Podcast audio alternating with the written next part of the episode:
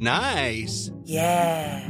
What you're hearing are the sounds of people everywhere putting on Bombas socks, underwear, and t-shirts made from absurdly soft materials that feel like plush clouds. Yeah, that plush. And the best part? For every item you purchase, Bombas donates another to someone facing homelessness. Bombas. Big comfort for everyone. Go to bombas.com slash ACAST and use code ACAST for 20% off your first purchase. That's bombas.com slash ACAST. Code ACAST. When you're ready to pop the question, the last thing you want to do is second guess the ring. At Bluenile.com, you can design a one of a kind ring with the ease and convenience of shopping online. Choose your diamond and setting. When you find the one, you'll get it delivered right to your door. Go to Bluenile.com and use promo code LISTEN to get $50 off your purchase of $500 or more. That's code LISTEN at Bluenile.com for $50 off your purchase. Bluenile.com code LISTEN. Hallå! Simon Gärdenfors heter jag och snart börjar veckans Arkivsamtal. Vill du lyssna på en massa exklusiva bonusavsnitt av Arkivsamtal med bland annat David Liljemark plus en och en halv timme där jag pratar om NWA med PSTQ utöver gratistimmen som kom för ett tag sedan. Då surfar du in på patreon.com arkivsamtal och bidrar med valfritt antal dollar. Om du gillar den här podden och vill bidra till att den kan fortsätta produceras så kan du också swisha en slant till 0760 72 47 38. Swish-numret finns även i avsnittsbeskrivningen. Jag är jättetacksam till alla er som bidrar till podden. Som är schyssta och hjälper mig lite ekonomiskt. För att det är i stort sett de enda pengar jag får in nu för tiden. Tänk på det. Min och Anton Magnussons standup-turné Uppvigling och förledande av ungdom, den drar igång igen om ett tag. Alla vårdatum är flyttade. Gå in och kolla de nya datumen på specialisterna.se. Vi kommer till 22 svenska orter till. Trots pandemin så är det slutsålt på många ställen, så det kan finnas en poäng med att köpa biljetter redan nu. Vi kommer aldrig att ställa in, utan i värsta fall flyttar vi datum som vi har fått göra. Redan nu. I Stockholm finns det till exempel bara, jag vet inte, 10 biljetter kvar skulle jag tro nu, nu vid det här tillfället. Till den 27 september på Scalateatern. Så de kommer ta slut snart. En sak till. Glöm inte att följa mig på Instagram. Där heter jag atgardenfors. Men nu kommer Arkivsamtal som klipps av min redaktör Marcus Blomgren. Mycket nöje!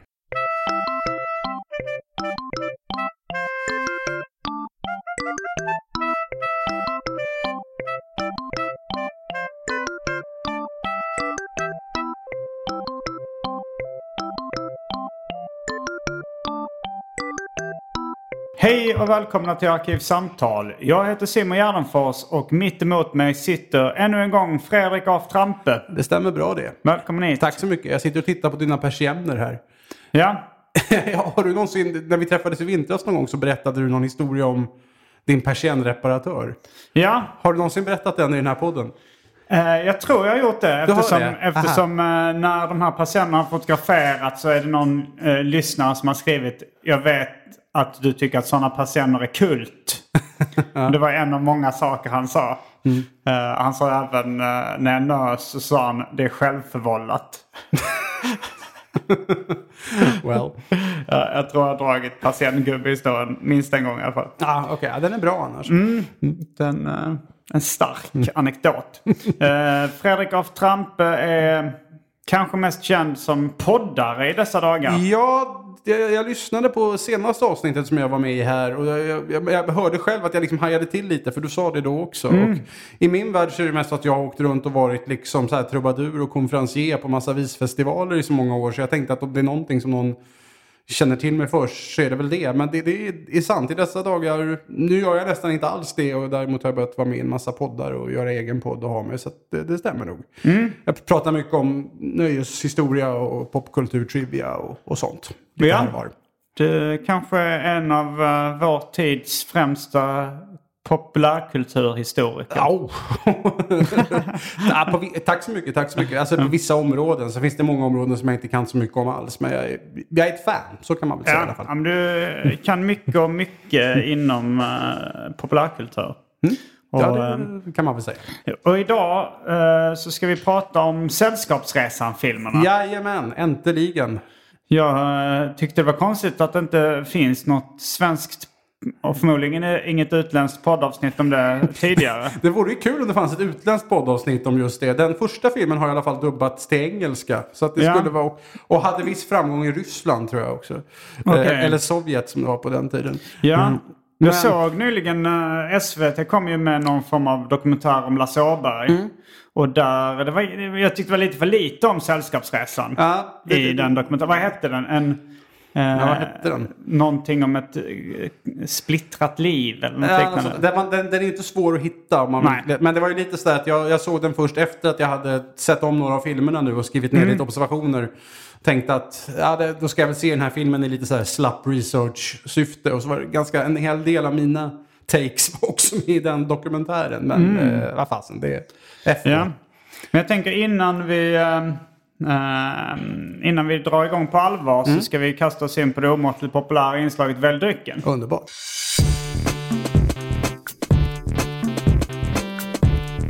Jag tror vi börjar med det fasta inslaget Välj drycken. det är lite speciellt. Ni hör kanske att det ekar här inne idag. Ja. Det är för att jag... Flytt, mitt flyttlass gick i morse. Det gick en eh, flyttbil klockan sju i morse. Så jag har inga glas. Du har Eh, inga, inga glas. Nej, men jag köpte lite dryck som eh, man kan ha som handfrukt. För jag, du, vi bokade det här för ganska länge sedan Ja. och, då, och då insåg jag att det här kommer vara den sista, sista podden i din gamla lägenhet. Ja, det, kanske, jag kanske hinner med. Jag har kvar nycklarna till uh, första juni.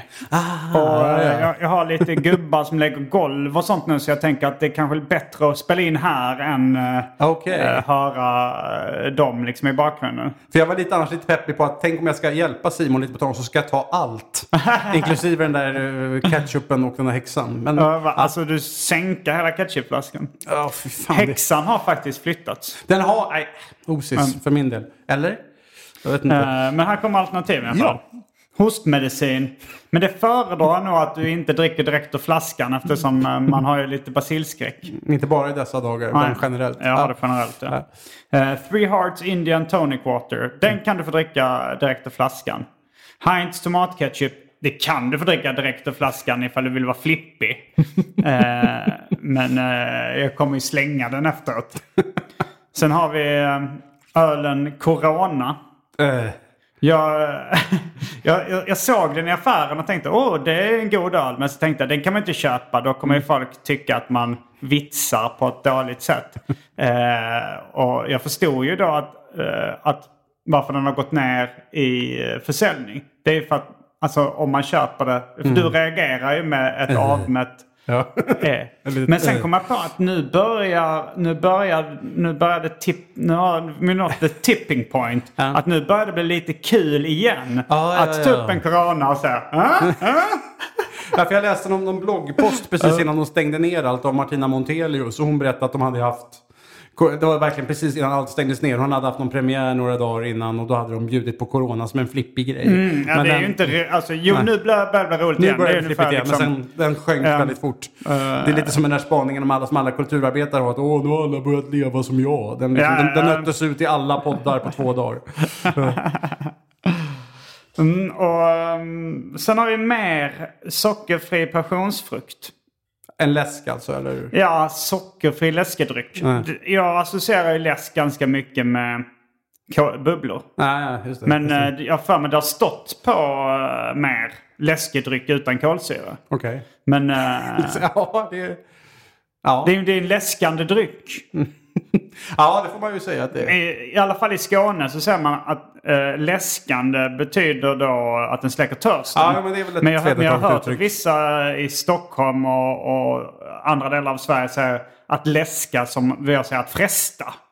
Det har inte jag hört. Jag är nog mer hört- bekant med att läska är att man släcker törsten. Ja, jag, jag håller med. Jag tycker det är konstigt när någon säger åh du läskar mig med din glass. Har du hört det? Mm, nej, det har Nej, jag då, nog inte då hört. menar de fresta. Det kanske bara Det är de, kanske dialektalt någonstans ja, då. Eller att de är dumma i huvudet. vet kan vara. Kan vara. Rört ihop termerna. Eh, och för tråkmånsar och nejsägare har vi vatten. Ja, det var ju inte lika flippigt om jag skulle välja alltihop. Uh, nej, men jag tror jag tar den där toniken då i så fall. Eh, eller vad Ja. jag hade. Eh, Three Hearts Indian Tonic Water. Mm. Okej, men då tar jag en eh, mer sockerfri passionsfrukt. Ja, men det blir, det blir schysst. Då är vi strax tillbaks med dryckerna. Kända från det omåttligt populära inslaget Välj drycken. Häng med!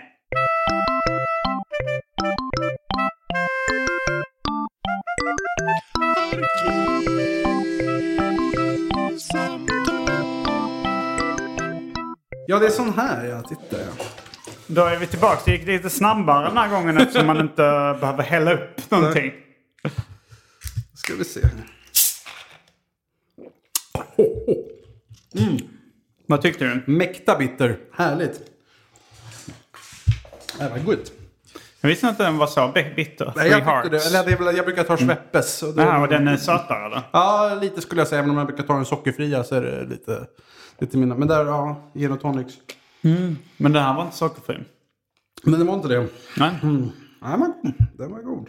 Jag hade för Ja, en, en halv liter eller mer. Det är ganska, ganska mycket kvar. Ja, man var ju nykter i morse men nu börjar det ordna upp sig. Ja. Var det din Sven Melander-imitation? ja, din är bättre tror jag. Ja, man var ju nykter i morse men nu börjar det ordna upp sig. Gjorde inte du Sven i den här specialisterna sitcomen? som- Jo, jag, jag gör Sven Melander så ofta jag kan. Och Sven Melander är också, du har ju medveten med att han har väl varit gäst i den här podden? Ja, det har han varit. Han har suttit i, i det här rummet. Eh, det var stort. Ja. Han var väldigt trevlig också. Han skickade en eh, signerad DVD-box med Nöjesmassakern till mig. Han verkar ju verkligen vara genomskön. Ja. Liksom. Jag såg någon intervju med honom där han fick frågan om Tycker att det finns någon modern, modern humor som är rolig? Och, och, att han verkligen var sådär bara, ja det kommer fram Folk i min ålder, nej jag kan inte härma, men folk i min ålder kommer fram till mig och säger att det var mycket bättre när ni gjorde Nöjesmassakern och dagens humor är ju bara skit. Och, ja, och, och de tänker ju inte på att, precis som när vi inte gjorde, när vi gjorde Nöjesmassakern gjorde vi inte våran humor för 70-åringar. Och det gör inte dagens ungdom heller. Och så nämnde han väl Grotesco-gänget och uh, något mer som han tyckte var jätteroligt. Så det, Man gillar ju äldre folk som har den inställningen att det finns nya bra grejer. Men- Det är jävligt mycket charmigare än de som bara tycker att det var bättre förr. På Ja. något sätt ändå. Uh, mm. det, det, jo, det, det håller jag med om. Det kan ju vara lite kul med en sån uh, ilsken gubbtjuv som hytter med käppen också.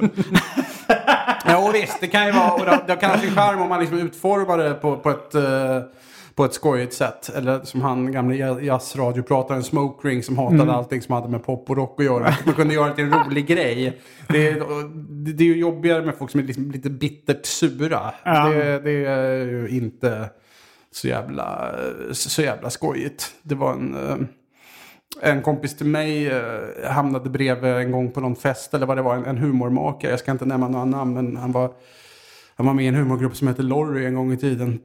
Och den här humor, och eh, min kompis gillar den här humormakaren väldigt mycket. Så han, sa till honom att jag gillar verkligen dina grejer, det där som ni gjorde i Lorry och den där serien. Ja, tack så mycket, tack så mycket, men ja. Ja, men det var ju då det. Det var ju då som man gjorde grejer. Nu får man ju inte göra någonting, för jag är inte kvinna vet du, så jag får inte göra någonting numera. Nej, nej, nej okej. nej, men jag, jag tror jag kan Lorry- gissa vem av dem i det är, Lorry inte- det det är inte Claes Månsson. eller hur? Han känns, han känns verkligen var som raka motsatsen till det. Nej, men nej, verkligen inte. Nej, och liksom fortsatte. Min kompis var så här, fast jag gillade verkligen den där serien som ni gjorde och den där sketchen, den tycker jag är Mm. lite bort. Ja, ja, jo det var väl då, det kanske var okej, men numera får man ju inte göra någonting. För nu måste man ju ha fitta för om man ska göra en film. Det är för jävligt. Nu får man ju inte göra Var någonting. det sketchen All skit ska bort han syftade på? Det? Kan ha varit. Den, det, är ju- det, Där har kanske rätt i att den inte hade fått göras idag. det Eh, kan ja, alltså det är då en reklamparodi där... eh, vem av tjejerna i Lorry är det? Det är Lena Endre, en väldigt Som ung Lena Endre. sprayar eh, någon slags spray på en invandrare. Ja, men det, det, det är gjort som en parodi på en reklamfilm där hon går runt och sprayar om det är ett fönster. All skit försvinner. Och sen då, någon vägg eller vad det är. All skit försvinner och sen går hon förbi en invandrare och sprayar. All skit försvinner och så är det en flaska med Sverigefärger på. eh, och det är liksom så uppenbar satir. Men Ja. det, det, det är så kul med den att det blev sånt jävla liv om den. Mm. Och att den fälldes i radionämnden. Om den ansågs rasistisk eller om det nu finns. Jag vet inte vad det var för bedömningskriterium som det föll under. Va? Eh, men det var så kul att de gjorde ett svenska tv-historier om Lorry för några år sedan. Och då pratades det ganska mycket om just den här sketchen. Ja. Att det var så konstigt att folk inte fattade skämtet. Mm. Eh, och sen så länkades vi om ni vill se Lorry så finns det i öppet arkiv. Och så gick man in på öppet arkiv men då har de klippt bort den sketchen Ja. för att den var fälld av radionämnden. Men den finns på YouTube. Ja, den, gör, det, den är väl inte så, så svår att, att få tag i. De var ju också inne på att farbror Bosse kanske inte hade gjorts idag. Men jag vet inte fan. Alltså jag menar...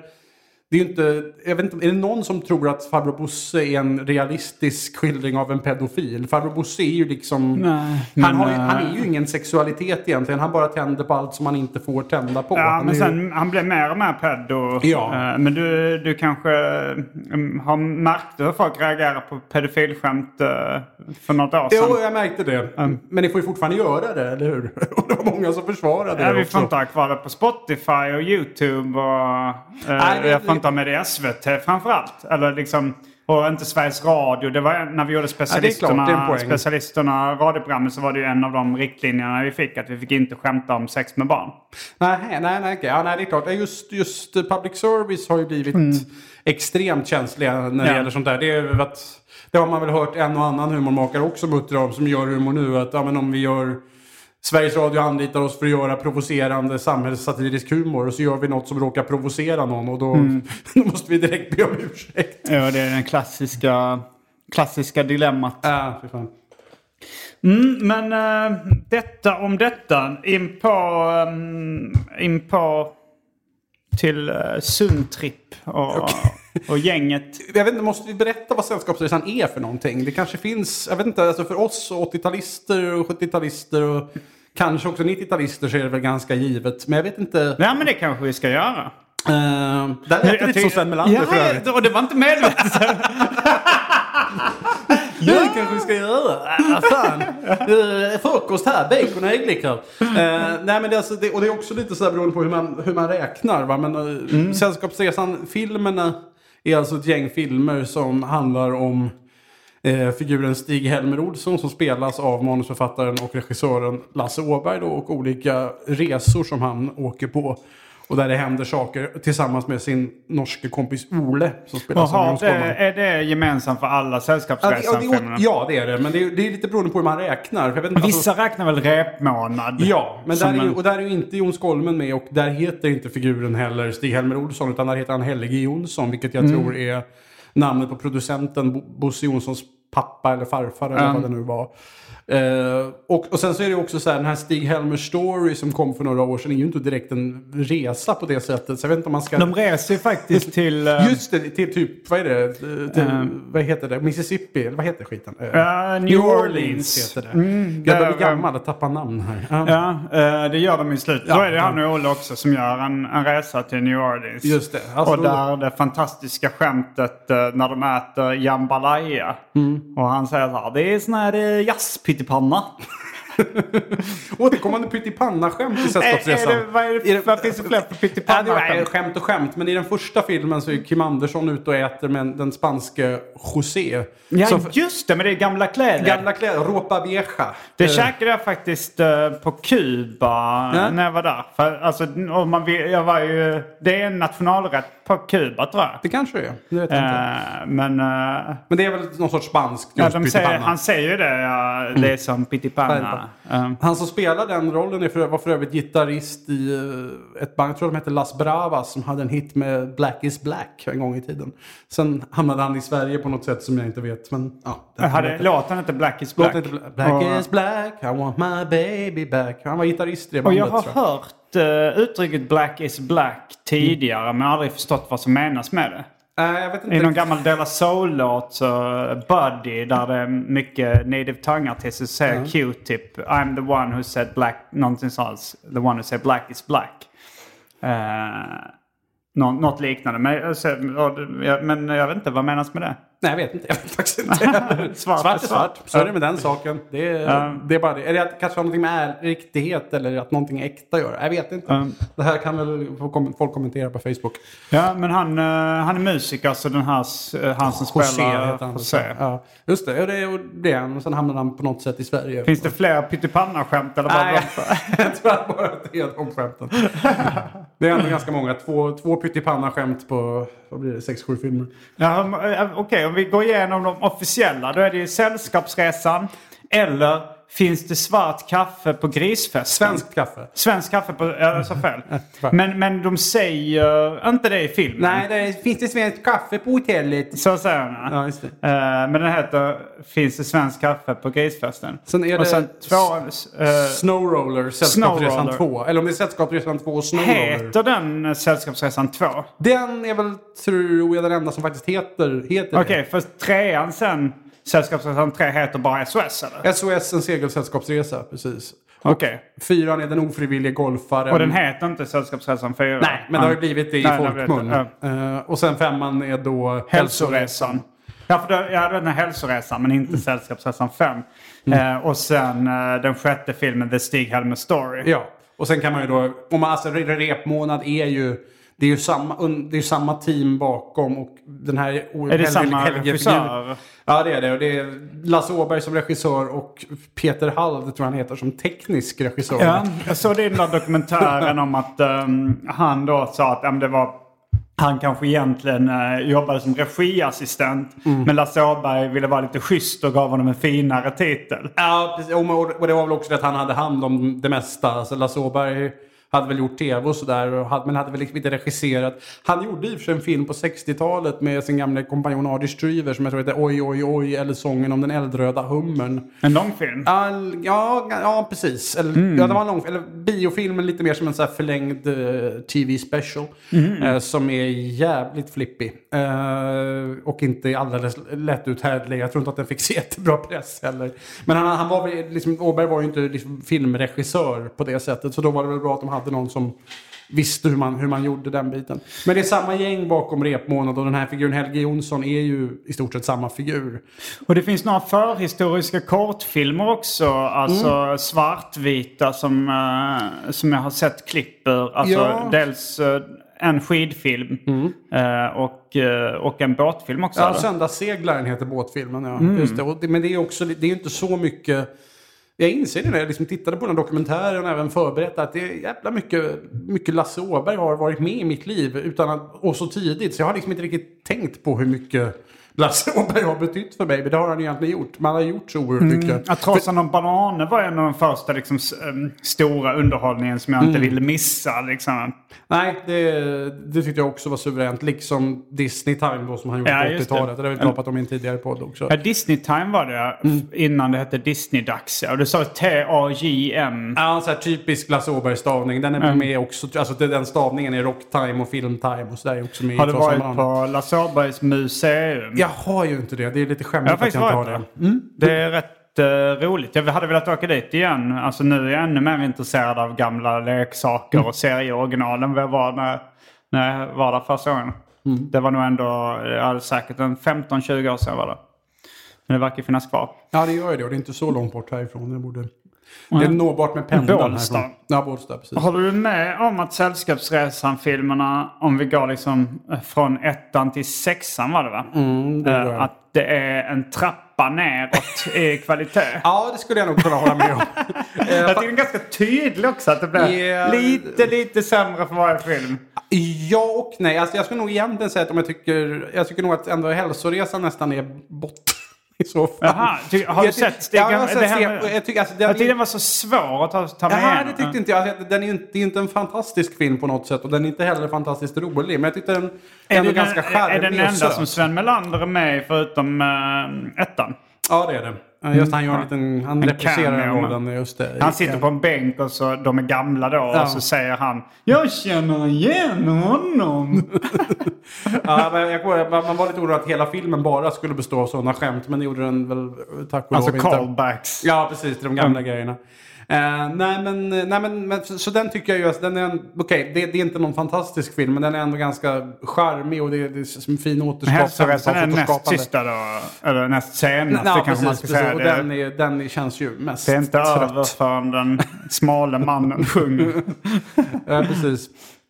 Eh, nej, men, och den, den var väl ingen vidare. Eller det, det, den tycker jag är direkt tråkig. Den är liksom inte, ja, har inte sådär så mycket humor eller så värst Nej, mycket det tyckte jag faktiskt om uh, Stig-Helmer Story också. Jag, jag var tvungen, jag såg den med, den, jag har faktiskt gjort ett poddavs, ett arkivsamtal om den. Tidigt med Marcus Johansson. Eh, Eh, charmant eh, stand-up comedian. Ja, och då, då var vi tvungna att, alltså, efter halva filmen så är jag tvungen att ta en paus. Oj, Alltså, oj, oj. alltså så här, jag var tvungen att gå ut och liksom ta en kort promenad, rensa huvudet lite för att ja, det, var, det var så svårt att härda ut tyckte jag. Och det är inte ofta jag behöver göra det när jag ser en vanlig långfilm. Liksom. Mina, min, eh, mina kompisar Martin Kristensson och David Nessle hade en sån Mm. film, en svensk 60-talsfilm. Som om jag minns, det är världens mest komplicerade titel också. Jag tror att den heter Pappa varför blir du så upprörd? Du gjorde ju likadant själv när du var ung.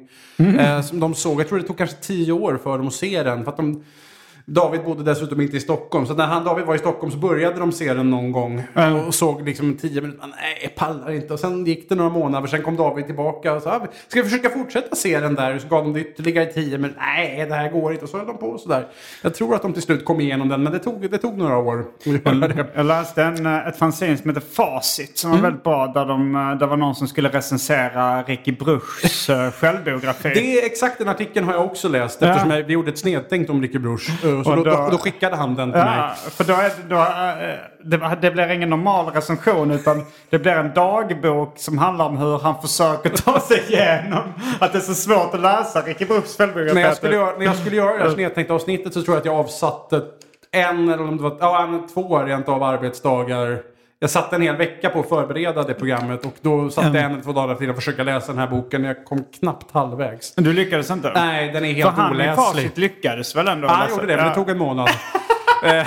Det är alltså, det- för er som inte har läst den så är det alltså en helt osensurerad kronologisk uppdatering. Liksom, det är fyra olika typsnitt på varje sida och Ricky hoppar hej vilt mellan olika saker och Mm. börjar liksom berätta allting i verkligen extrem detalj. Och det, det, det, går inte att läsa den. Även Kalle Lind har försökt vet jag. Men den Facit-recensionen är jätteläsvärd. Ja, den, den är jätte- jätteskojig. Man, man läser den istället. Ni kan Ja. lita på mig kära Arkivsamtal-lyssnare. Ni behöver inte lägga 500 spänn på svårt att få tag på den Facit. Ja, det är det, är det väl. Och särskilt sen vi var med i, sen vi gjorde Snedtänkt tror jag. Så att trots att vi var ganska tydliga med att den var oläslig så blev Mm. det naturligtvis...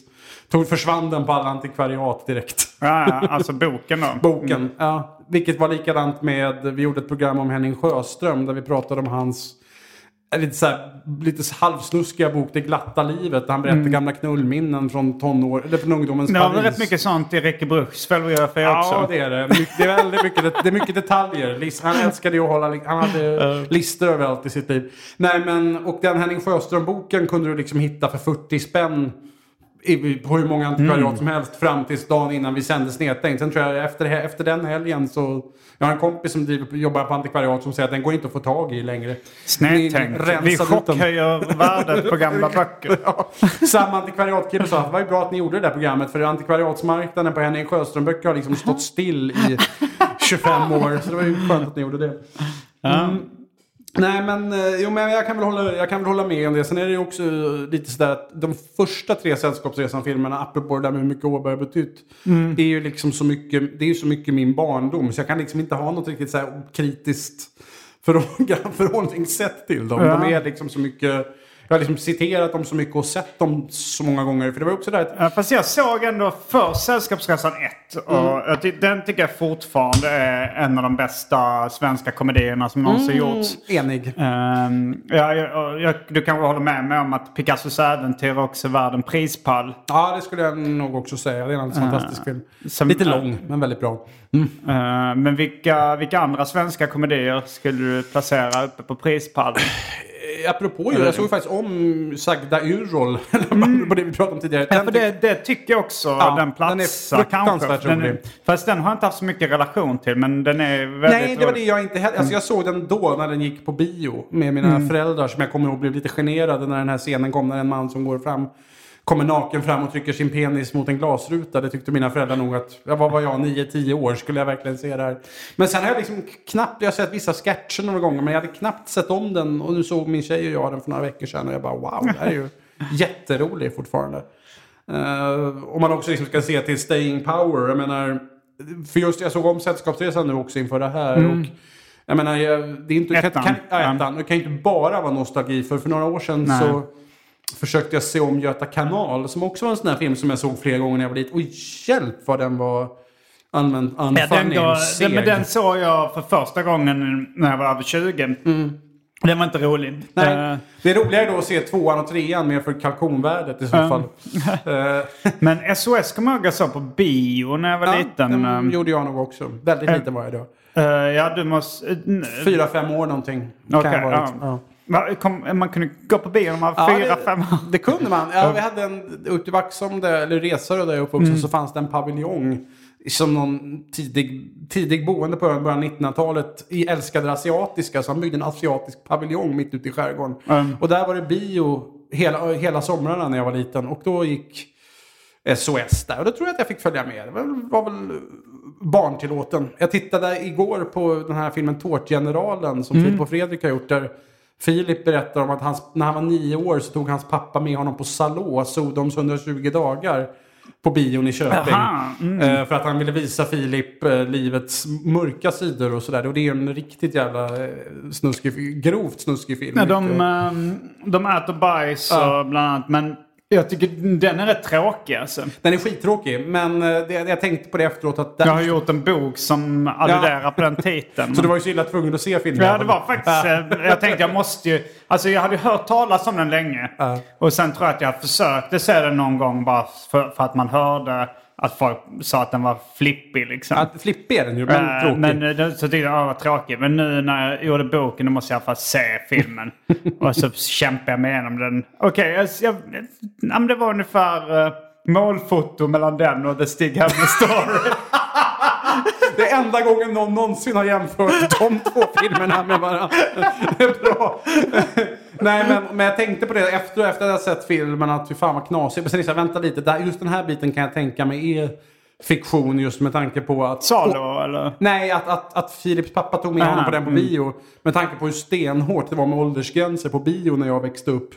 Eh, det, måste ju Men du kan tänka 15 dig att, att det var fiktion att Filip hittade på det, att hans pappa tog med honom. det kan mycket väl vara att han har visat honom den eller på Ja. video eller något sånt där. Men att han tänkte att det, var, det blev liksom mer åskådligt på filmen om de gick på bio och så. Den- Jag vet det, det vet jag inte men det var bara en tanke att jag kommer ihåg det. Att om, du var, om du var tio och ett halvt år då fick du fan inte gå på filmer med 11-årsgräns när jag växte upp. Det Men när jag bara, lyssnar på deras poddar så har man insett att eh, hans pappa överdriver och ljuger ganska mycket. och det, det kan ju vara en sån typisk grej som han har sagt. Ja, jag tog med dig med på bio. Alltså så att, men att det var en lögn och han kanske inte kommer ihåg det. nej, han, är väldigt, han är väldigt udda men rar, Philips pappa. Uh, vad var vi? Sällskapsresan, första. Ja. Jo, nej men den är, den är, ju, den är ju väldigt skojig. Det, Eh, jag tycker i och för sig när jag såg den senast, de visar den ofta. Jag såg den någon julhelg nyligen. Och eh, jag höll med min mammas sambo Greger om att det var Sven Melander som gör filmen. Eh, alltså att det, det, är hans karaktär som lyfter Sällskapsresan. Det vet jag inte om jag skulle hålla med om, även om han är väldigt, väldigt bra. Det är kul att det är typ det första han gör. Han hade väl gjort lite sketcher och sånt där kanske i och för sig på SVT. Men att Lasse Åberg bara ringde upp honom och sa Ja, han hade väl träffat honom på någon fest. Ja. De hade supit. Och man kan tänka så att han liksom... Man, man tänker den här killen vill jag ha med i min film. När man ser någon... Om han är lite som liksom bära i, i Sällskapsresan. bra på att göra sådana figurer i alla fall. Ja. För det är väl...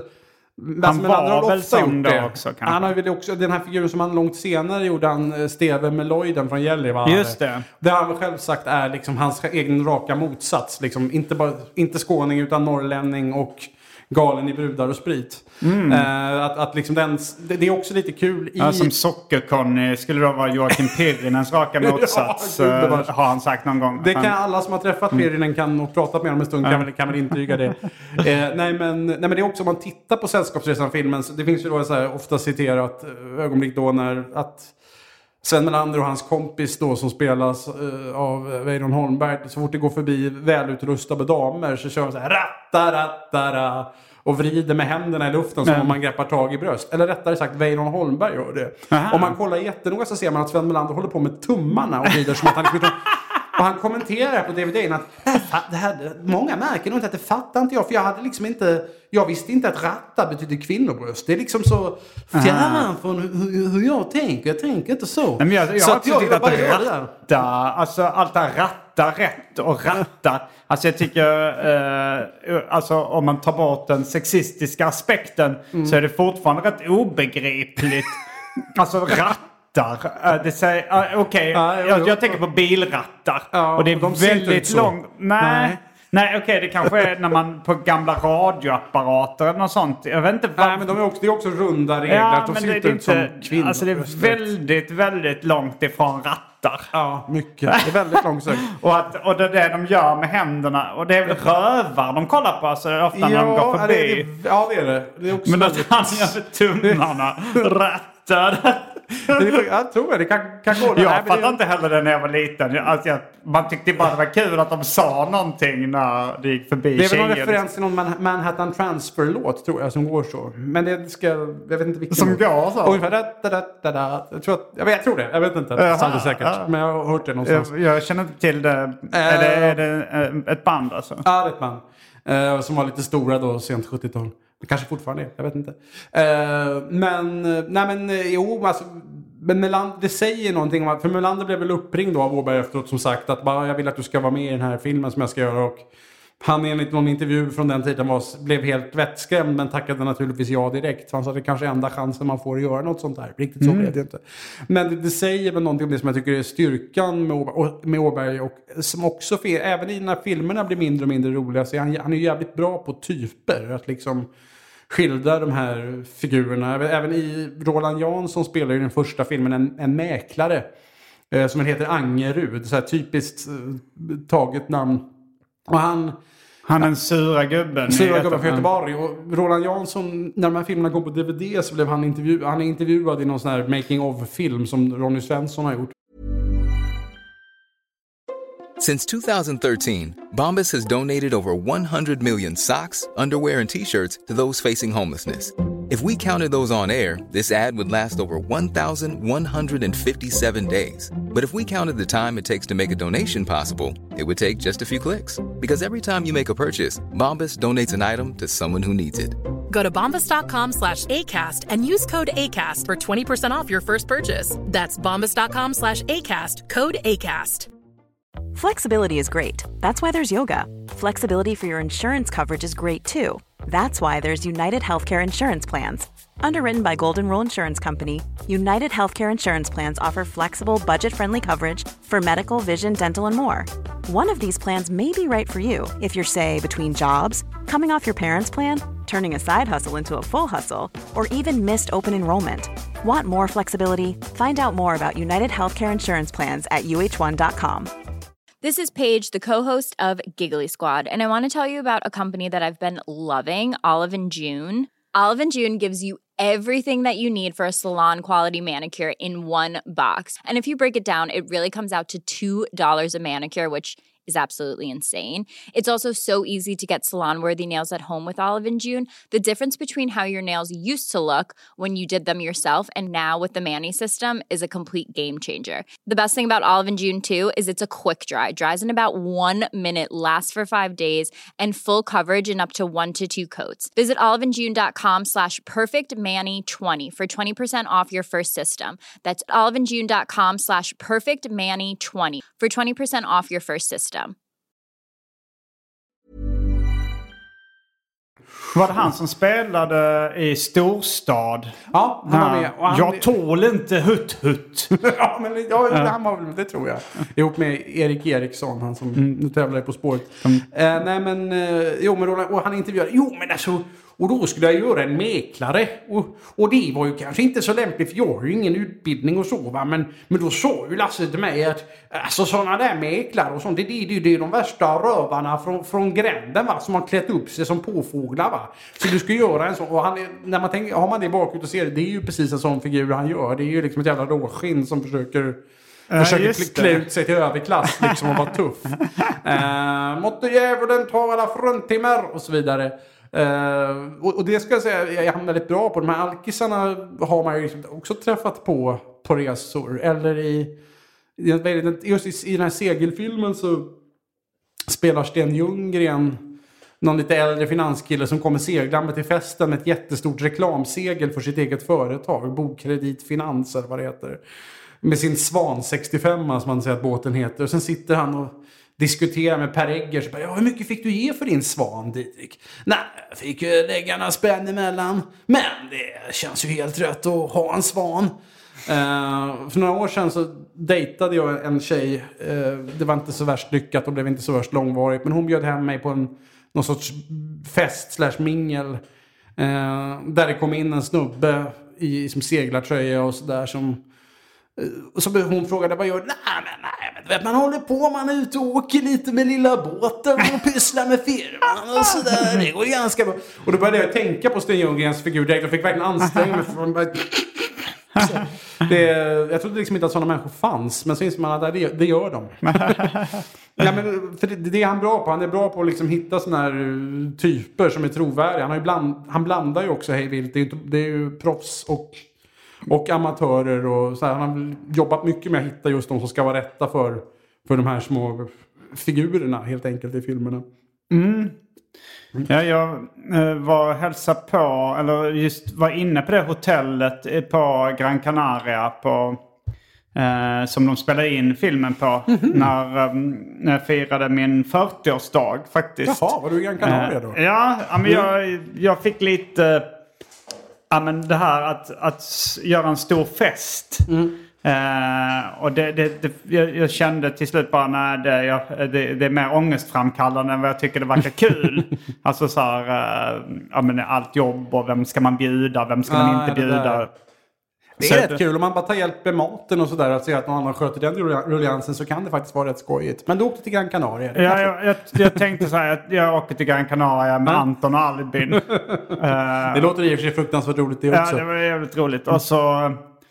Eh, och, men det var en av de få eh, grejerna vi gjorde på resan förutom att supa. Vi levde ju ganska mycket som, eh, som Berra och vad hette den andra? Robban tror jag Robban heter. Ska gå på Tonga Tonga. Uh, men, vi, men vi var i alla fall, jag tror den heter uh, Australia det hotellet som, som numera som då, det var någon, det var någon liksom eh, av mina följare på Instagram som skickade om ni vill, om ni, för jag, sa, jag hade sagt i någon podd att jag ville besöka det hotellet då hade han tagit reda på att det hette Australien nu för tiden. Det är som i Nueva Stockholm. Ja just det, ja det var ja. lite så. Ja. Vi, vi försökte hitta dit. Nej vänta nu tänkte jag på att det blev vårt Peppes Bodega. Att man gick ja, runt och letade ja, efter det på ön. Just liksom. Ja, men det, det, finns ju faktiskt, i filmen så går de ju på någon eh, marknad där och ska köpa grejer. Och mm. Ole börjar pruta och spanjoren säger jävla smålänningar. Mm. Och när de går därifrån så ser man att det är någon sån här jätteskylt. Thank you for the visit. Och så står det under tack för besöket. Mm. Och det tror jag det på kommentarsspåret säger alltså bara den, den var där. Det var inte något som vi har satt dit utan det var så. Det var svenskanpassat rakt igenom. Så det var ju bara tacka, ta emot och filma där. Eh, men, men, det är också med just den första filmen är det att det är väldigt mycket detaljer. Jag har ju sett den hundra gånger men eh, jag ser, mm. jag ser fortfarande nya grejer i mm. den. Som att när jag såg om den förra veckan, i början av filmen så är det någon så parafras på den här kärleksscenen i Härifrån till evigheten. Där Lottie Ejebrand och Lasse Åberg ligger i vågorna på stranden och hånglar med varandra i, i liksom Stig-Helmers fantasivärld. Då hade inte jag tänkt på att hans Dramatenväska står också där precis en liten bit bort i vattenbrynet. Mm. Eller mm. att i slutet av, det, det hade jag sett tidigare men det blev mycket tydligare nu när jag såg den i så här HD. Att i slutet av filmen så ligger den här Angerud-figuren bakis som bara fan på sin hotellrumssäng och är sur. Och så öppnas dörren och en liten städerska tittar in. Och Impia, ut! Ut! Ja, så hon stänger dörren. Och den städerskan är ju Gösta Ekman. Mm. Eh, Oj, Vilket var så här konstigt. Han, han var där nere och skulle på semester. Tror han hade något sommarhus där. Och ah, springer på dem. Jaha, vad kul. Ni kan man få vara med lite? Ja, du kan få vara städerska. Så han gör den där att han öppnar dörren, säger någon nej, nej och stänger dörren. Det mm. syns tydligare nu om man, när man tittar på den i ah, det. Men det tog, tog mig många tittningar innan jag upptäckte det. Det ska jag tänka på nästa gång. Jag blir sugen mm. på Som det nu. Jag blir också sugen på att göra en Alltså jag lyssnar just nu på en podd som heter Scene by Scene. Eh, som, eh, det är två killar som går igenom filmen American Splendor. Ja, den ja. Eh, och då Gud, går de igenom se, så varje poddavsnitt eh, går de igenom eh, varje, alltså de börjar med första scenen i filmen. Mm. Och så pratar de om den. De har så mycket att säga. Liksom. Men de, båda två är serieskapare. Någon av dem har jobbat med Harvey P. Carr. Okay. Någon var en av de som föreslog att filmen skulle göras. De tar in gäster som har varit med eh, i, som spelar i filmen. Så att liksom, och sen berättar de mer om gamla minnen också. Ifall, ifall det är så här, I första scenen så har han liksom en halloween-scen. Mm. Och då pratar de ju om sina egna halloween-minnen. Så här, vad, vad brukar du klä ut dig till och så vidare. Men jag blev sugen på att göra en scene by scene nu med Sällskapsresan. Eh, jag hörde att, att för de var inspirerade av eh, någon, någon Star Wars-podd som jag tror de tog det- minut för minut. Minut för minut. Det var det jag tänkte på när du sa det. Just de går igenom filmerna minut för minut. Ja, det skulle man kunna göra med Sällskapsresan. Fast det kommer bli svårt sen när man kommer upp till, om det blir en så stor succé att man måste göra hälsoresan och Stig-Helmer Story. Men, ja, Det är så kul att du säger det. När du säger det så börjar jag bara tänka på när jag gick journalistutbildningen för lite drygt tio år sedan. Och Mm. Mina journalistlärare var så här, om ni ska lyckas i framtidens journalister måste ni vara breda. Ni kan inte göra, ni kan inte göra smala grejer. Det, Så det sitter man där sekund för sekund med hälsoresan. Ja, vad fan, det var när jag började göra smala grejer som jag helt plötsligt började tjäna, inte jättemycket, men i alla fall lite mer pengar än tidigare. Så det, de hade fel, kan jag säga. Ja. Jag tror Sällskapsresan, alltså äh, jag tror att det kan vara anledningen till äh, namnet på mitt, ett av mina band, Las Palmas. Just det. Det de har, det har de i Las Palmas. Ja, vi har, vi har samplat just, Just det. det. Är det. Är det Kim Andersson som säger det eller är det... Kim Andersson säger det, Lotte Eibrand kommer med ett mm. Och eh, jag, jag har försökt ta reda på bakgrunden till det. Va- varför de säger det de har. De har dem i Las Palmas. Jag antar att de refererar till att de här snubbarna ska vi bara ha skojigt med på resan. Jo men det Men det, är också... det de, de parafraserar väl någonting? Det de Jo, har, de det parafra- de- ja, eh, det, ja, det, det är sånt där som jag borde veta. Det har, det säkert, har jag fått skicka till mig Ja, någon gång ja. också eftersom jag har frågat om det. Det var något sån där klassisk bildning antar jag. Eh, men det, det, det var väl någonting som var aktuellt då på 70-talet. Den är inspelad 78 va? Eh, 79 tror jag rent av. Repmånad är gjord 78. Och det, och det ska, om vi ska nämna det att jag ju faktiskt, jag gjorde lumpen på samma regemente som repmånad gjordes på. Eh, fast 25 år senare och då hade de flyttat från Uppsala till Enköping. Men det var verkligen, eh, i repmånad så är det någon scen där när en journalist blir visad runt på logementen och säger varför det här är så färglöst. Skulle ni inte kunna ta in lite, lite matt och så här så får man se i hennes fantasibild hur liksom hela rummet blir uppfärgat. Och den här torre officeren pekar på ja vi har ju fått nya orangea läslampor. Det är en färgklick. och det roliga är att när jag gjorde lumpen 25 år senare så var det fortfarande exakt samma jävla orangea läslampor. Oerhört slitna och exakt samma blåvita lakan. Det var liksom förmodligen kanske de som hade varit med i filmen, vad vet jag. Men de är faktiskt inte i Las Palmas i uh, Sällskapsresan 1. Nej, Eller, det är de, de inte. De flyger väl till... Flygplatsen ligger i Las Palmas men sen var det Playa Ingles. Ja, det är det nog. Ja. eh, som, ja, det var ju, som är då södra, södra Gran Canaria. Geografi och matte var mina sämsta ämnen, så det här vet jag ingenting om. Nej, men, eh, men, men det är konstigt eller de säger ju... eh, ja, men han, han tappar bort sin väska och då, Ja, så då, då pratar han med någon slags gubbe där som, eh, som har en Las Palmas, det är nog fotbollslaget Just då. det. Han har en, eh, en, Just det, en vimpel han är med. entusiastisk. Han säger Las Palmas. Och, eh, very good football. Och så säger då Stig-Helmer Hammarby. Hammarby. Very good football too. Det var väl inget skämt jag fattade som barn att, att Hammarby inte var speciellt kända för att vara bra på fotboll. Men, Nej, men det ligger lite i den här tönt-nörd-personan som Stig-Helmer har och, och hejar på Hammarby och gillar bruna bönor och sådär. Det är, ja. det är skön, skön figur på det sättet som då ställs mot den här... Alltså det, det, det Stig-Helmer och Ole, hans kompis, är ju ganska mycket raka motsatsen. Han är lite mer gåpåig och modern och Ja. lever mycket genom sina prylar. Men när man tittar på filmerna så är det ju inte... För Mella Såberg har ju gjort sig känd för att verkligen vara sådär, jag har inget körkort, jag har inget internet, jag har ingen dator, jag har ingen, ingenting.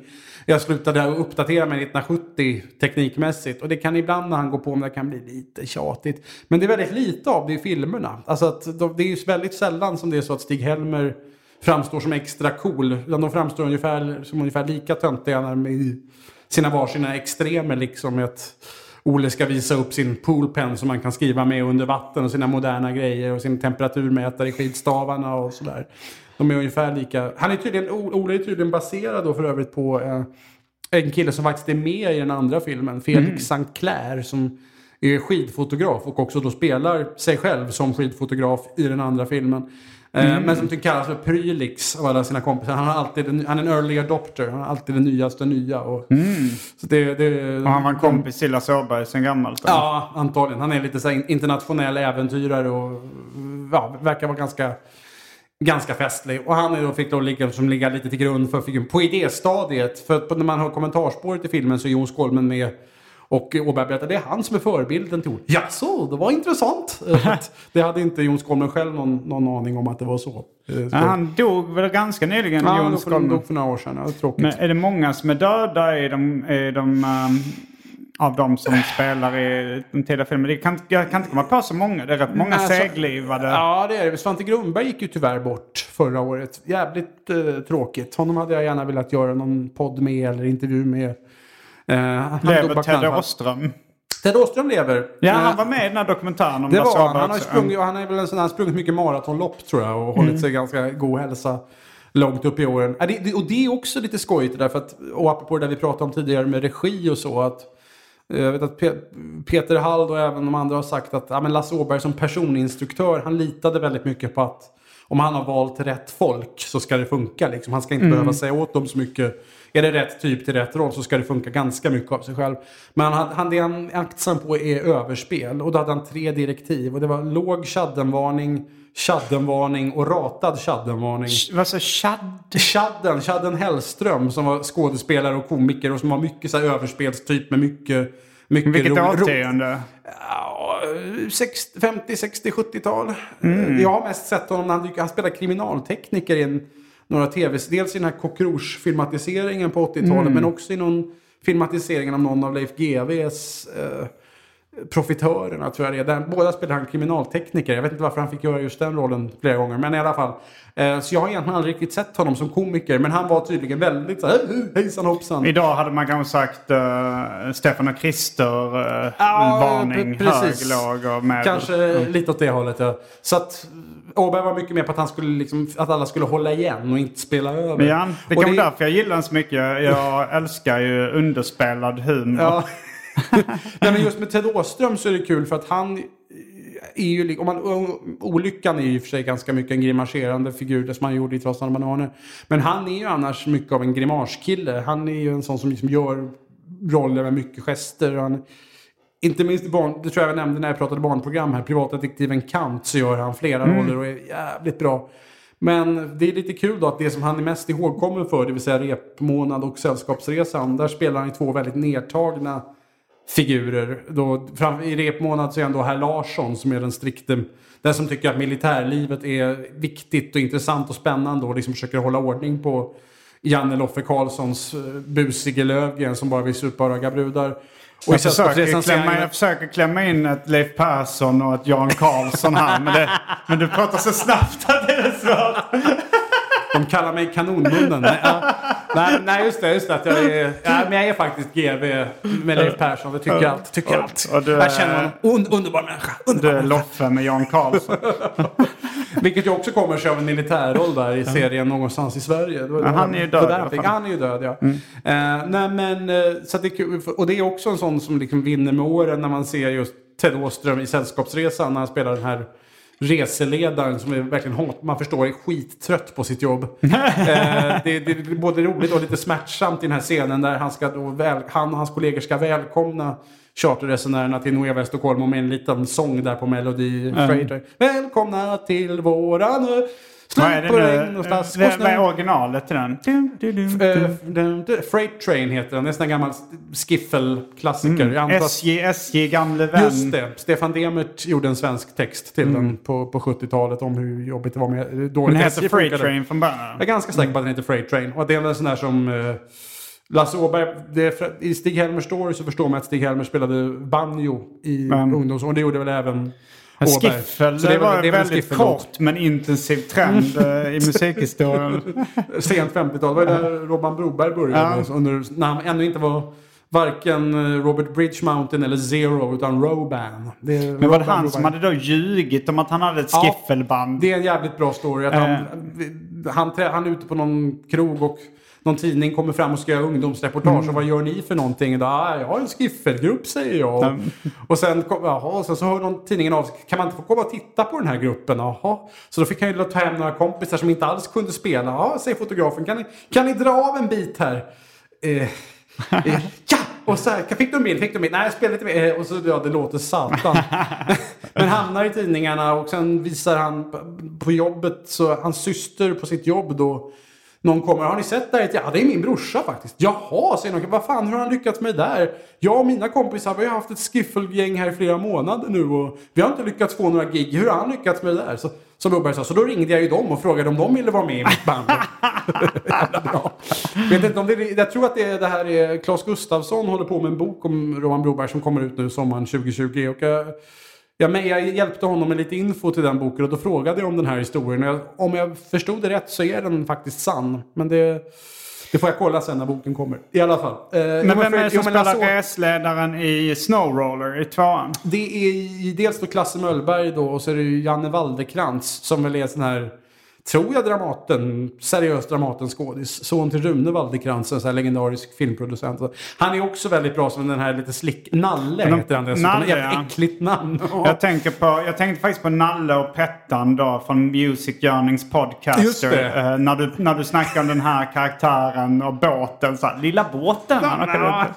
det kan vara också en av Sveriges roligaste En, eh, podcast. Ja, verkligen. Ja, nej, men Nalle, just det, det, just det han som säger, det kan bli nog ganska så nice. Vilket jag kan tänka mig är en replik Men de är som ganska lika varandra de här reseledarna tycker jag ändå. Alltså karaktärerna, Ja, eh, lite. är det. är väl mer att uh, Waldekrantz figur är mer direkt osympatisk. Eh, Eftersom han liksom, han, det är ju, plotten där är ju då att den tjejen som sen Stig-Helmer blir ihop med kommer ju ner dit. De har, hon har haft ihop det med Nalle tidigare så hon kommer till Ja. Verbier där han, eller Katzen, Katzberg eller vad det heter i filmen, där han är då eh, Eh, turistledare och vill överraska honom och han är inte alls intresserad av att fortsätta utan kommer hela tiden med ursäkter och går ut med en massa andra tjejer hela tiden. Eh, den här, men Ted Åströms figur är liksom nästan plågsamt att se hur han liksom ansträngt försöker le och klappa händerna. Och det, här är, ju- det här är ju roligt. Men det är också sånt som när jag ser dem nu att, att jag faktiskt citerar Sällskapsresan-filmerna så ofta att jag liksom inte reflekterar över att jag Ja, gör det. nej, men jag skulle nog säga Sällskapsresan, En himla många program och Seinfeld kan vara det jag citerar oftast. Vad citerar du mest i en himla många program? Uh, ja, men uh, häromdagen var det Den vill jag inte ha! Café Öken. Just det, just det. Vackra varelse, ge mig en bossa! eh, det är bara sådana här små grejer som just i början av andra, av den här Snowroller-filmen då, så är att där Nalle vaknar upp bakis med någon brud och Klasse Möllberg ringer. Han är på väg ner med bussen med gästerna. Och Att, eh, okej, ja, vi är på gång här. Vi kommer snart. Nej, men du måste hålla bussen vid gränsen för jag har inte fixat alla hotellrummen än. Du är fan inte klok. Men vad, vad ska jag säga till gästerna? Ja, inte fan vet jag. Göm snökedjorna. Säg att ni har glömt dem. Och just det där, inte fan vet jag. Det citerar jag jätteofta. Det är verkligen så där. Eller i slutet av filmen så är han, han vill få ut några kompisar på fest. You wanna go to a disco? Och den kompisen då bara "Puh." Och det, det gör jag ofta när jag är liksom lite trött. Men det "Nu kan man inte vi- nu måste vi veta om fixa." det är från Sällskapsresan. För det är väl en allmän det- bara nej, det- generellt kan man ju inte veta. Men jag vet att jag har det därifrån. Ja. När jag såg om filmen. Ja just det, det är därför jag gör sådär. När jag är lite, nej fan måste vi göra den grejen också.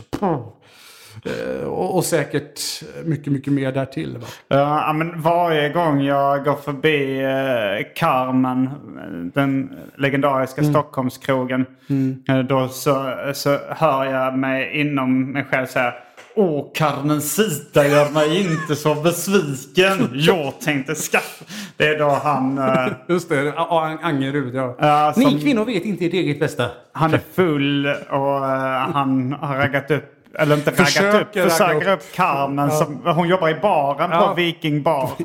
Och Stockholm. hon vill, eh, hon vill liksom inte Absolut ha, inte. inte ha honom. Men han Men hon följer ändå med till hotellet för att hon tycker synd om honom och ska ta hand om honom. Och säga, eller, Ja, och hjälper upp honom på, på rummet. Ja, Ja. Ja, ja, det är eh, väldigt knasigt.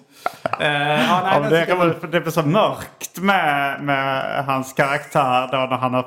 För, för att han är ändå boven. Ja. Men det blev så himla synd om honom trots att han är ett riktigt Ja. rövhål. Ja, man tycker faktiskt ganska Han har förlorat alla sina Allting pengar och sin...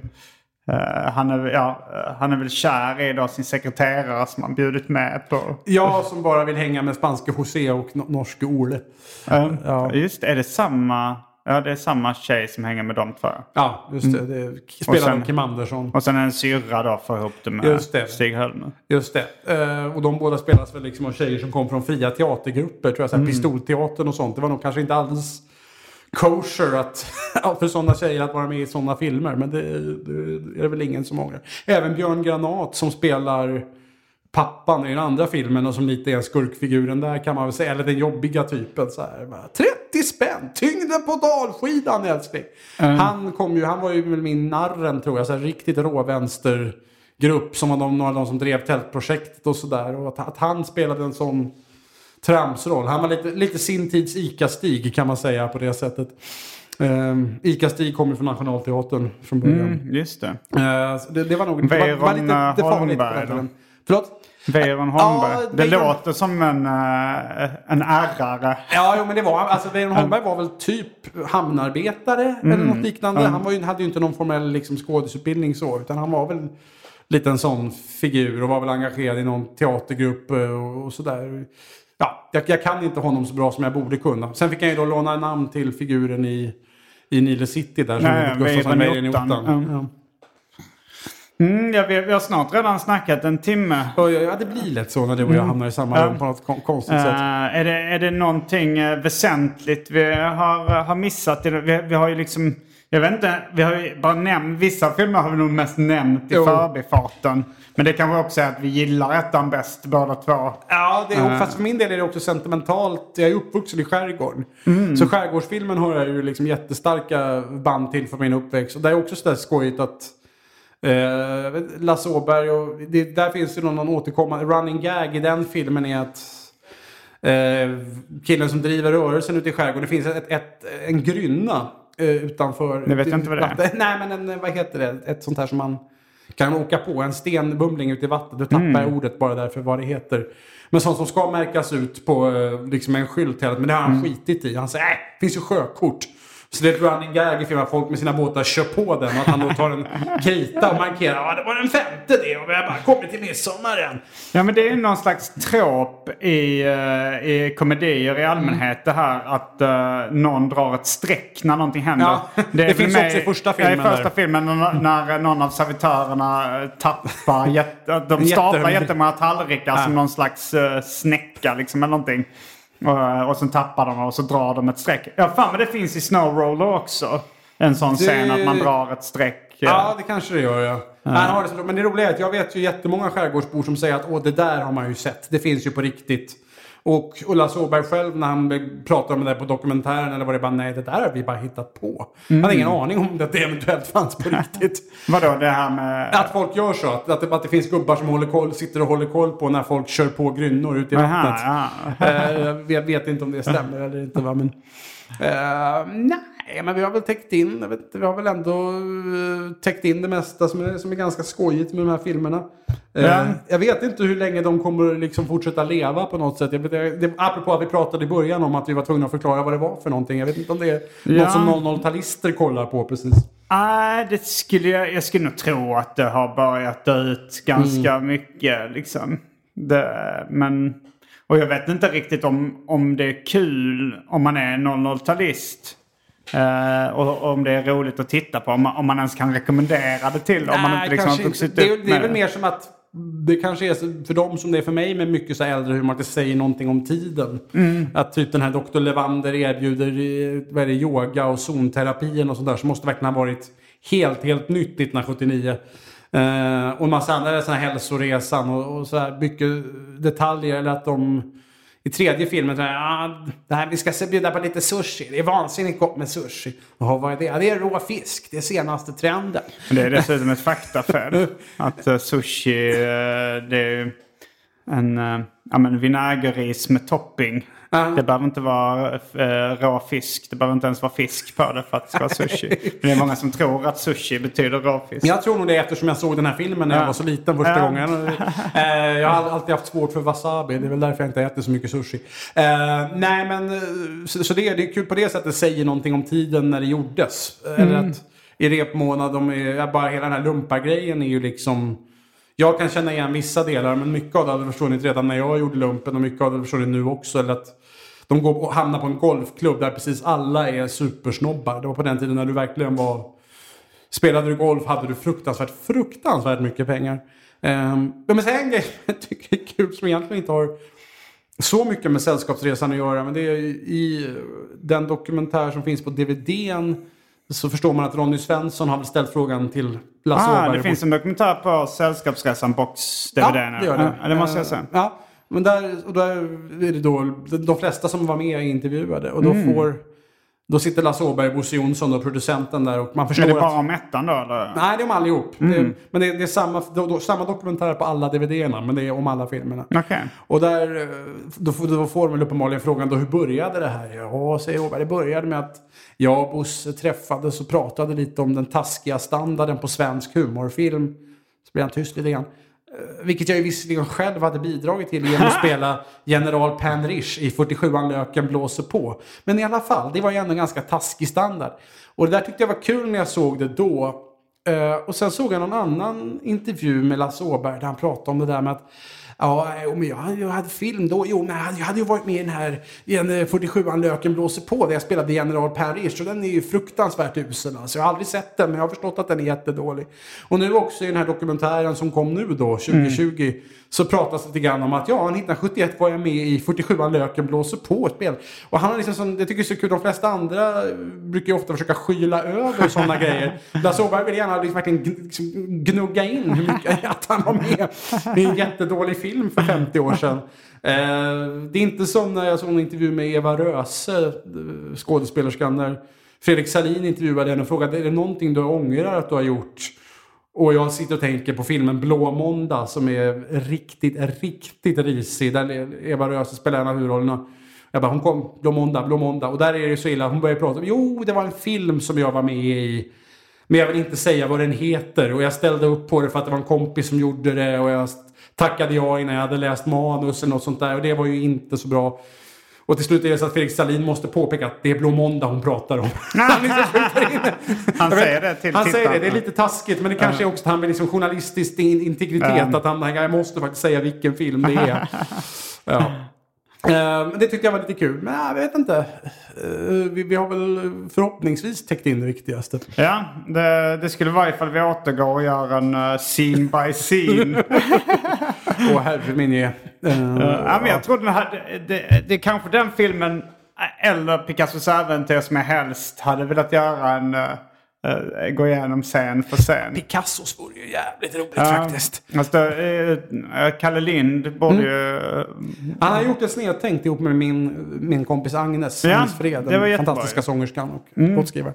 Ja, det var väldigt, väldigt bra. Men det är Ja, det också var, en jag frågade film. faktiskt Kalle Lind om eh, han ville göra ett arkivsamtal om Picassos äventyr. Mm. Men då hade han så här... Fan, jag har redan planerat att göra det. Och så var jag så okej, du får den. Du, du kan, jag, han kan ju mer om filmen än vad jag kan. Så- men det är ändå en del sådana där som man skulle vilja, inte minst den här, det tror jag vi pratade om i Della Morta nyligen, Mm. den här oerhört konstiga filmen, scenen där Gösta Ekman sitter på ett strandcafé med ihop med en rödhårig kvinna och de gör konstiga grimaser. Ja, jag, Som är helt jag gillar inte den scenen. Nej, jag gillar den inte heller. Men den är fullständigt obegriplig och man förstår inte alls riktigt varför den är med. Och jag tror att Gösta Ekman säger något om det på kommentarspåret. Att ah, det här är... Vi vill göra hur extrema miner kan man göra? Väldigt konstig scen det här. Den hade de lugnt kunnat klippa bort. Men man, den skulle nog hålla för att sitta och diskutera i en podd en timme. Det tror jag nog. Ja. Men eh, ja, då får vi se ifall det blir en, eh, en, eh, ny poddsatsning med scen för scen. Det kanske inte blir en del av Arkivsamtal, men kanske någonting annat. Vi får skaffa oss lite mer fritid du och jag. Ja, Kan bli knepigt. fast det är väl egentligen jobb att göra en sån. Speciellt om man gör den Patreon-exklusiv. Ah, ja, ja, du Då tänker så. är, då, är, ja. då är det ju en kassako. Ja, det var ingen dum idé. Med olika gäster och sådär. Anton Magnusson kan få komma in och välja sin favoritscen och sådär. Blir Fast man fint. ska ju ta det kronologiskt. ah, ja, ja, såklart. Man ska, ta, man ska börja med, om, om man nu, som när Star Wars, minut för minut. Så ska vi göra det ännu mer extremt. Sällskapsresan sekund för sekund. hur länge kan, hur många avsnitt kan man prata om Lasse Åbergs keps? Eller den här ikväll får 107 svenska gonorré-t-shirten? Det vet inte jag. Jag funderar på om man kör ett i veckan, hur många år man måste hålla på då för om... eh, För den är väl säkert en och en halv timme. Ja, Det är något 90 sånt. minuter, 90 gånger 60. Det, vad blir... Det, det är du som pluggar natur. Jag har pluggat natur. Det blir 5400, vad blir det? Ja, 5400 borde det väl bli. Sekunder. och, och det är 52 veckor på ett år. Det, Ja, det, men där, då har du det för fan. Det är ett årsprojekt. Det är ett årsprojekt då. Ja. Man gör det på ett helt år. Men eh, va? Om det ska vara sekund Ja, för sekund för sekund. Ja, nej, Då är var det inte. 50 år eller? Ja, det är är det, 50 år eller eller är det mer? Eh, Om det är Nej. 52 veckor man gör ett i veckan. Ah, Och det var 5000 sekunder. Ja, Som sagt, ja, jag var, jag var aldrig bra på matte. Men, Nej. ja, man, man får göra... ja, det kommer ta lång tid. Men, Långt, eh, det kan vi enas om. Det kommer ta jävligt lång tid. Så men det. kan vara sen för sen. Ja men det var kul eh, det här. eh, Och Ja, det var jag också. allt för eh, veckans avsnitt av Arkivsamtal. Jag heter Simon Gärdenfors. Jag heter Fredrik av Trampe. Fullbordat samtal. Ha det.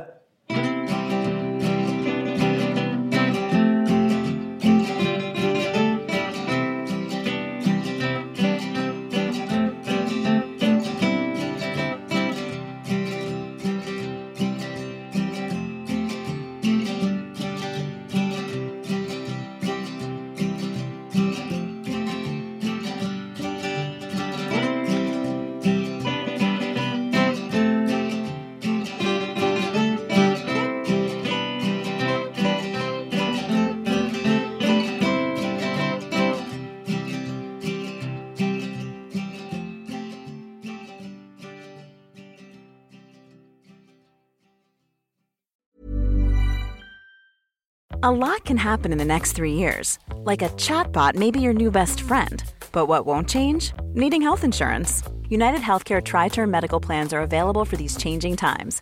Underwritten by Golden Rule Insurance Company, they offer budget friendly, flexible coverage for people who are in between jobs or missed open enrollment. The plans last nearly three years in some states, with access to a nationwide network of doctors and hospitals. So, for whatever tomorrow brings, United Healthcare Tri Term Medical Plans may be for you. Learn more at uh1.com. Mom deserves the best, and there's no better place to shop for Mother's Day than Whole Foods Market. They're your destination for unbeatable savings, from premium gifts to show-stopping flowers and irresistible desserts. Start by saving 33% with Prime on all body care and candles. Then get a 15-stem bunch of tulips for just $9.99 each with Prime. Round out Mom's menu with festive rosé, irresistible berry chantilly cake, and more special treats. Come celebrate Mother's Day at Whole Foods Market.